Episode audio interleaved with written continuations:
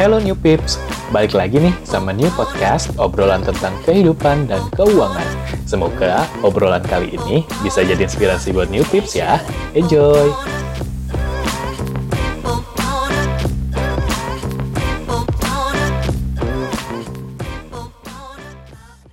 Nah, ini dia. Hai, Coach Agung. Hai, salam kenal Coach Agung. Jadi buat teman-teman semua, uh, ini adalah pertama kalinya gue juga ketemu sama Coach Agung. Jadi gue taunya Coach Agung ini adalah seorang pelatih lari nasional, benar ya?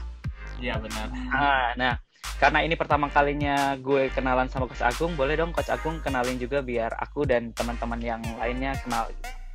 Oke, terima kasih sebelumnya Mm -hmm. atas kesempatan udah diundang untuk live di Hello New New. dot Ya. dot ID. Um, perkenalkan nama saya Agung Mulyawan. Saya seorang pelatih nasional, khususnya pelatih atletik lari Hmm. jarak menengah dan lari jarak jauh. Selain itu, saya juga founder dari Gantar Velocity.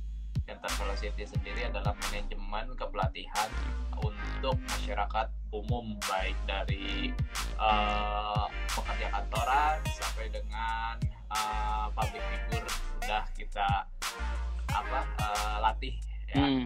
Hmm. Jadi di Gantar Velocity sendiri memang uh, di sini mewadahi banyak pelatih-pelatih yang kebanyakan memang lulusan dari universitas uh, dan jurusannya itu kepelatihan olahraga Hmm. itu udah sih paling ada kesibukan-kesibukan lainnya bisnis Hmm. Di, uh, daerah saya tinggal karena kebetulan saya tinggal bukan di Jakarta bukan di kota Hmm. besar tapi di Hmm. Pekalongan Wah, di mana tuh Coach? di Pangalengan Bandung Kabupaten Oh, wow. Heeh.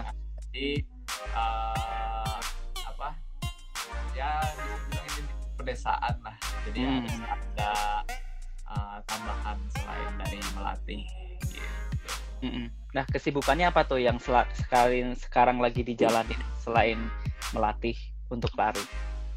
Nah, kalau untuk sementara sejak uh, pandemi Covid ini, Mm-mm. uh, Pelatnas, uh, Pelatnas itu adalah pelatihan nasional TC-nya kan kebetulan di Pangalengan. Mm-mm. Nah, itu sedang dibubarkan Pelatnasnya. Jadi Mm-mm. pulangkan semua pelatih dan uh, atletnya. Jadi sementara saya melatih via uh, virtual. Virtual Jadi, class gitu ya? Ya, Hmm. virtual class sama melatih mungkin ada yang online seperti itu. Jadi saya saya kirim program latihan ke ke klien, nah klien Hmm. menjalankan, tinggal laporan ke saya. Oke, jadi menarik banget. Jadi tadi uh, Coach uh, Agung ini adalah salah foundernya dari Gantar Velocity, bener ya? Iya benar. Ah, jadi kalau kal- teman-teman cek di Instagramnya Gantar Velocity itu mereka ngasih info seputar olahraga juga coach ya tentang hidup sehat gitulah pokoknya gitu. Terus nah eh, ceritain dong coach sedikit bagaimana perjalanan awal dulu membangun si Gantar Velocity ini. Oke, membangun Gantar Velocity sendiri itu berawal dari saya uh, membuat blog. Jadi Mm-mm. saya kan kuliah di olahraga. Nah, kan sayang ya kalau ada ilmu yang kita dapat tapi nggak di sharing lagi ke orang lain gitu Mm. selama kuliah. Jadi saya membuat blog itu uh, awalnya namanya bukan Gantar Velocity, awalnya All Need Balance. Hmm. Nah, jadi semua butuh keseimbangan. Jadi itu artinya ya. Jadi uh, saya sharing tentang ilmu-ilmu yang saya dapat di perkuliahan. Lalu uh, saya kepikiran uh, kalau All-Need Balance ini namanya kurang menarik nih Hmm, hmm. untuk orang uh, banyak gitu. Akhirnya saya kepikiran, saya kan punya nama panggilan Gantar. Hmm. Nah, terus saya punya nama panggilan Gantar. Gantar itu tahu nggak apa Kalau-? Gantar itu kalau di Jawa kayaknya buat apa yang tiang panjang gitu, tiang tinggi gitu nggak sih? Iya benar. Oh, bener ya? Jadi Gantar, Gantar itu artinya galah. Nah, Hmm, karena hmm, hmm. saya ya tinggi sama kurus lah gitu. Hmm, jadi, hmm, hmm. jadi panggilnya Gantar. Nah terus Oh, oke. Nah, saya juga kebetulan waktu dulu masih jadi atlet. uh, saya di nomor atau di spesialisasi di sprinter. Jadi Mm-mm. saya masukin velocity. Jadi gantar velocity, gantar yang cepat lah ibaratnya kayak gitu. Nah, udah blognya berubah jadi uh, gantarvelocity.com. Mm-mm.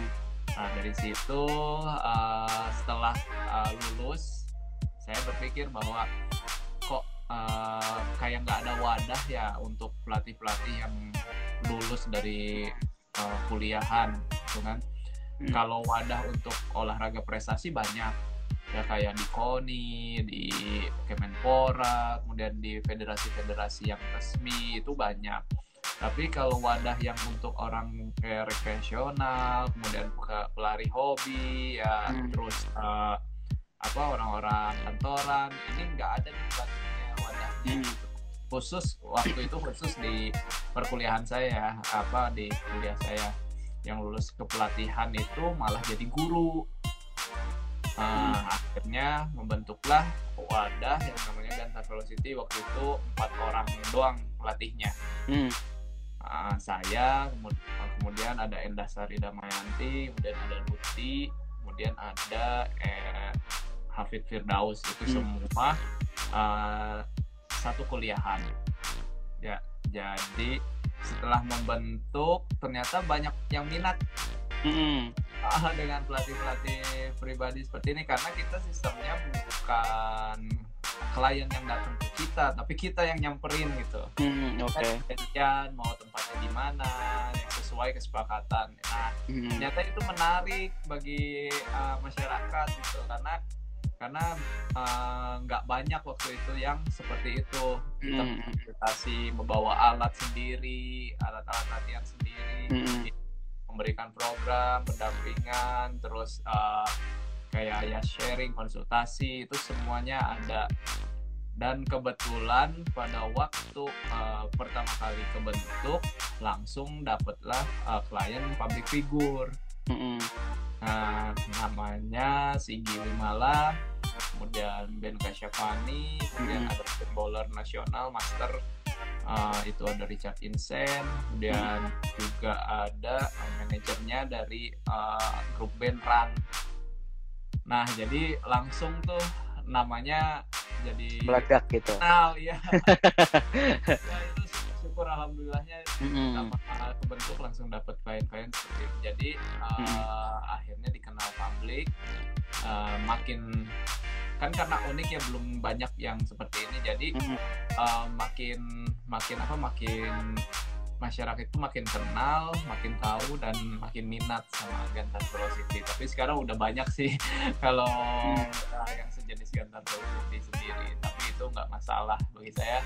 Uh, kalau ada yang sejenis malah lebih uh, lebih enak karena apa Hmm. kita terus termotivasi buat berinovasi, berinovasi. Betul. berinovasi. Betul. Iya. Oke. Itu aja Jadi- sih. Jadi berangkat dari sebuah blog gitu ya. Jadi terus kayak Iya. kepikiran kenapa nggak sekalian aja ibaratnya passionnya Coach Agung ini udah dibisnisin aja gitu kan waktu itu Iya. mendapatkan pundi-pundi keuangan gitu ya. Oke.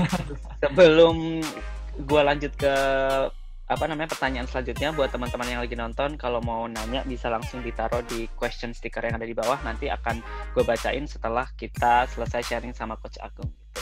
Oke, nah Coach Agung sekarang ini lagi menjalankan healthy lifestyle yang kayak gimana? Apakah kayak subscribe di gym atau subscribe kayak healthy food gitu-gitu?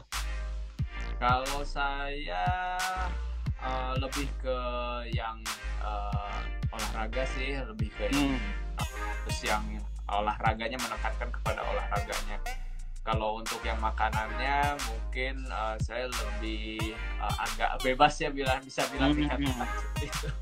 Tapi dengan patokan-patokan tertentu lah. Ada makanan-makanan yang memang uh, boleh saya konsumsi, ada juga yang enggak. Gitu sih. Tapi kalau ini kan sebenarnya gue juga mengalami sendiri ya coach kayak misalnya eh, misalnya gue harus misalnya habis makan nasi padang gitu terus besoknya gue harus harus olahraganya lebih kenceng gitu itu gimana? Emang benar atau kayak misalnya pas habis makan banyak emang harus langsung olahraga atau ya udah aja gitu? Terserah. Ya kalau untuk kalori memang harus seimbang. Hmm. jadi uh, antara aktivitas dengan asupan makanan juga memang harus diatur sih kalau yang memang benar-benar mau jaga banget uh, kondisi kebugarannya tetap Mhm. baik terus kondisi yang paling menjadi sorotan itu berat badan tetap stabil benar. Nah, itu jadi harus uh, menyeimbangkan antara pemasukan Mm-mm. apa yang masuk dengan apa yang dikeluarkan. Jadi kalau saya berprinsipnya selama uh, apa yang dikeluarkan itu bisa lebih daripada yang masuk, nah itu masih aman. Tapi kalau yang masuknya lebih daripada apa yang dikeluarkan, nah itu yang Hmm. saya hindarin. Makanya Iya. badan saya dari dulu segini-gini aja gitu karena ini Iya. Jadi berbanding terbalik sama gue nih, uh, coach. Kalau gue ya yang dikeluarkan banyak, yang eh yang dikeluarkan sedikit, bahkan nggak ada, terus tapi yang masuk banyak gitu. Apalagi ini lagi di rumah kan, jadi hawanya pengen makan terus gitu. Uh, boleh diceritain nggak sih kayak meng- gimana cara mengelola healthy lifestyle budgeting? Misalnya kan kalau kayak hidup sehat biasanya uh, cenderung lebih mahal karena kayak misalnya ikut diet yang life diet healthy itu kan pasti apa namanya uh, membutuhkan menu spesial yang lebih mahal gitu kan. Nah itu jadi atau atau misalnya kayak misal saya nge-gym di tempat yang uh, mega gym, terus saya harus beli susu atau beli suplemen protein segala macam. Nah menurut Coach Agung itu apakah kayak hidup sehat itu harus uh, mahal? Gaya hidup sehat sebenarnya tergantung kita mau ngambilnya ke kalau di olahraga itu banyak mazhab sebenarnya Mm-mm. sama kayak di agama banyak maz- mazhabnya Nah, mau Hmm. ngambil mazhabnya yang mana nah kalau uh, khususnya saya ngambil mazhabnya yang yang tadi yang seimbang antara pemasukan dan pengeluaran Mm. serta saya lebih ke menjaga makanan-makanan yang alami Mm-mm.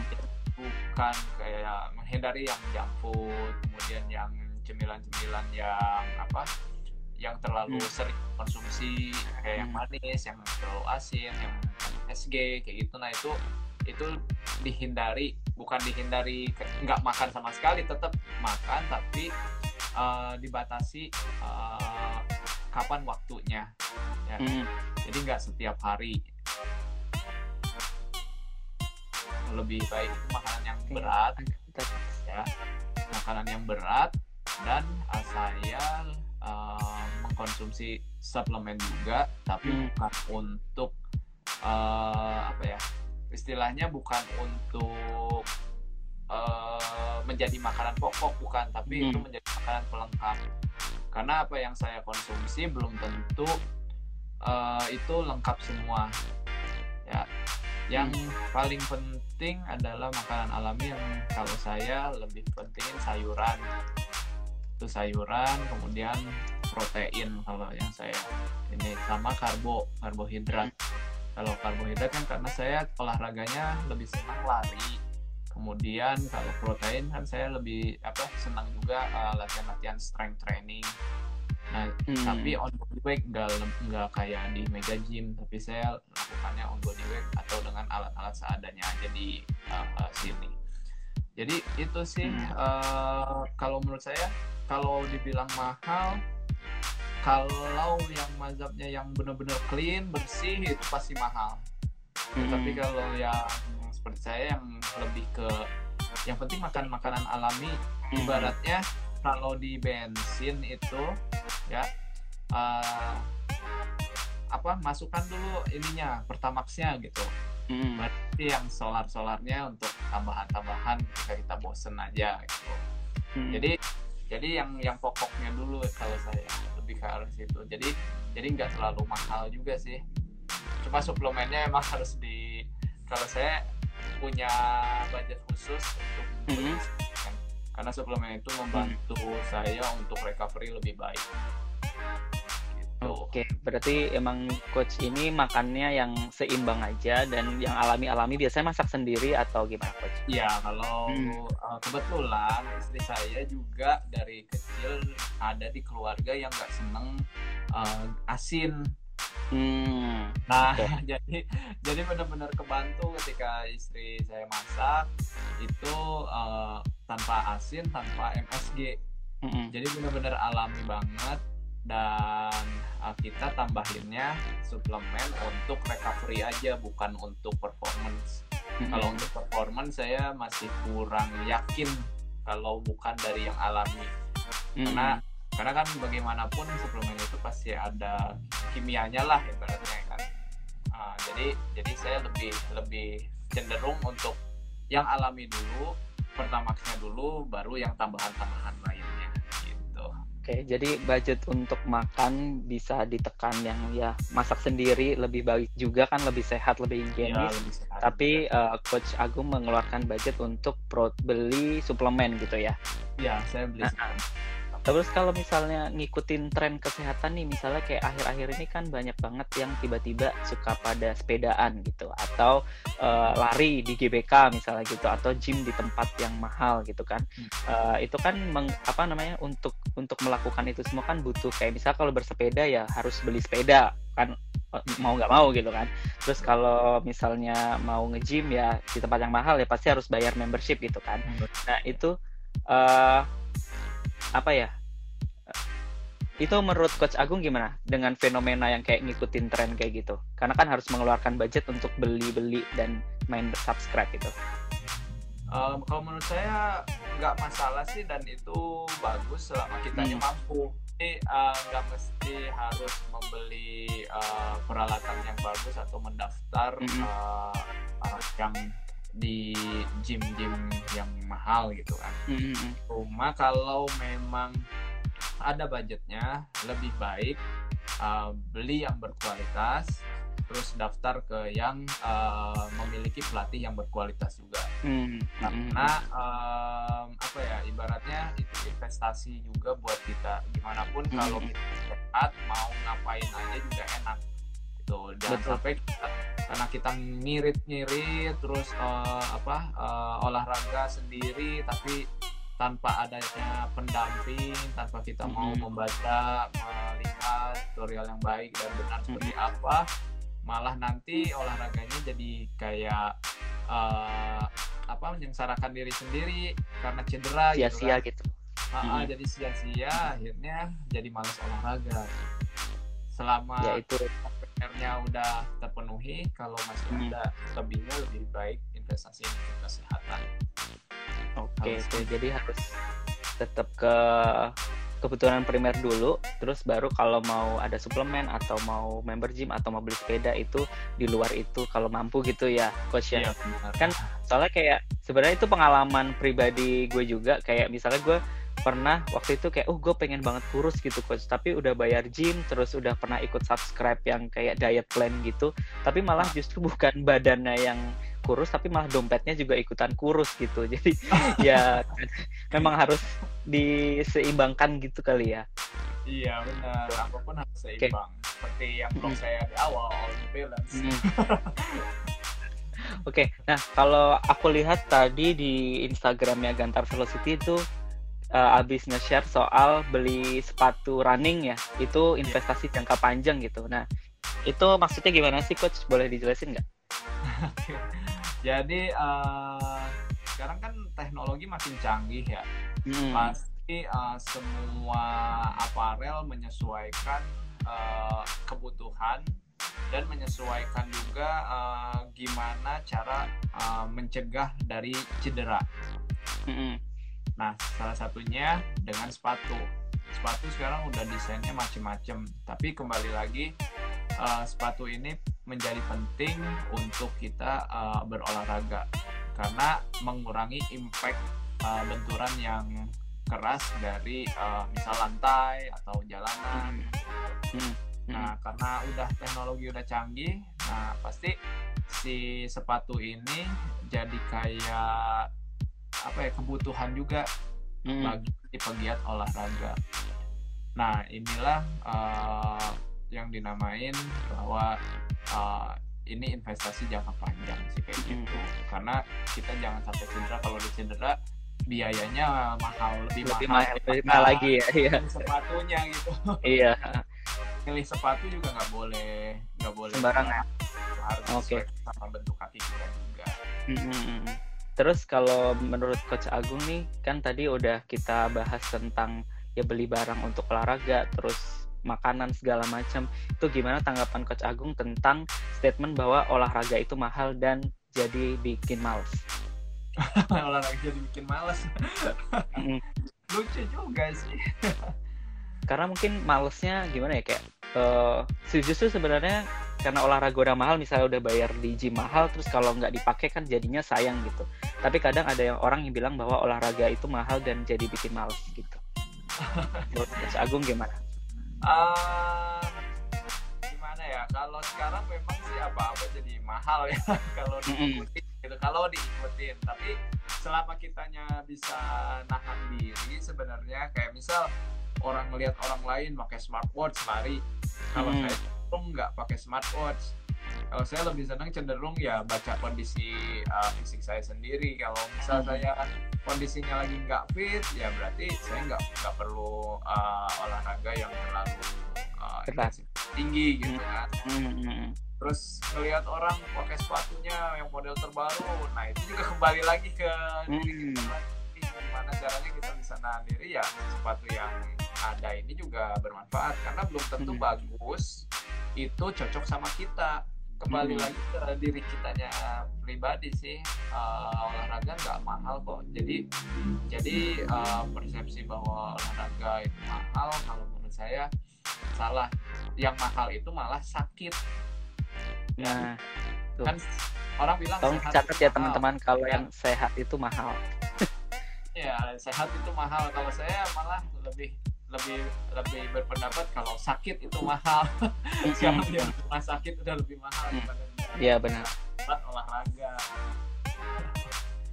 gitu. Oke. Jadi eh, kemarin itu aku juga sempat baca profilnya Coach Agung dan Coach Agung itu pernah ah, punya statement bahwa kayak spend the day healthy forever. Itu eh, boleh dijelasin nggak sih Coach itu gimana? Maksudnya mungkin buat teman-teman semua biar tahu.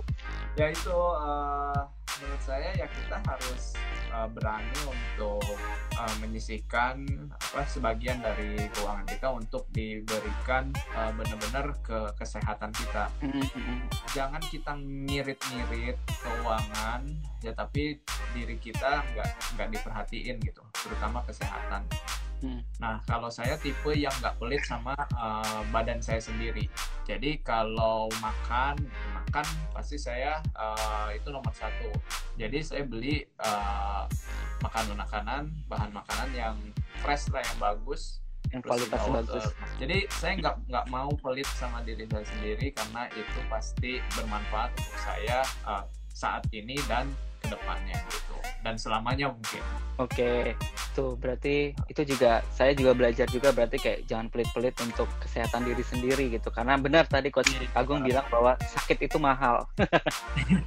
Bayar rumah sakit mahal dan dokter mahal, ya kan? Kalau sehat murah kan tinggal olahraga Coach ya. Kayak olahraga di rumah misalnya gitu. Nah, tapi ngomong-ngomong soal olahraga di rumah nih kan memang ini keadaannya harus di rumah, nggak boleh ke mana-mana gitu kan. Eh, Kira-kira bagaimana sih cara meningkatkan motivasi untuk berolahraga di rumah ini? Bagaimana cara meningkatkan motivasinya? Nah, kalau kita mau punya motivasi lebih, kita yang pertama harus punya tujuan dan goalsnya dulu.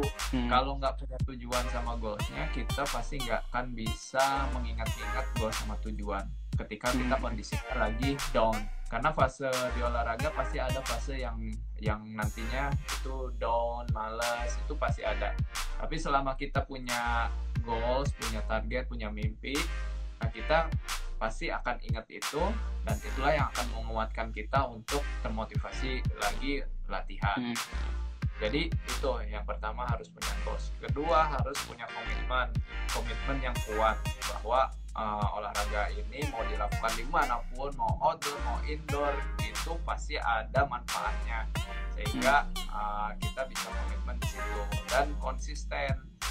Nah konsistensi ini yang kadang kita suka over pas lagi seneng sepedahan, oh sepedahan tiap hari. Padahal sebaiknya dari awal itu diatur harus ada restnya di antara olahraga.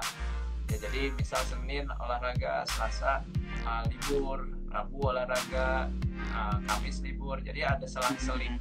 Kalau di selang-seling gitu kan uh, bisa tiga atau empat kali dalam seminggu.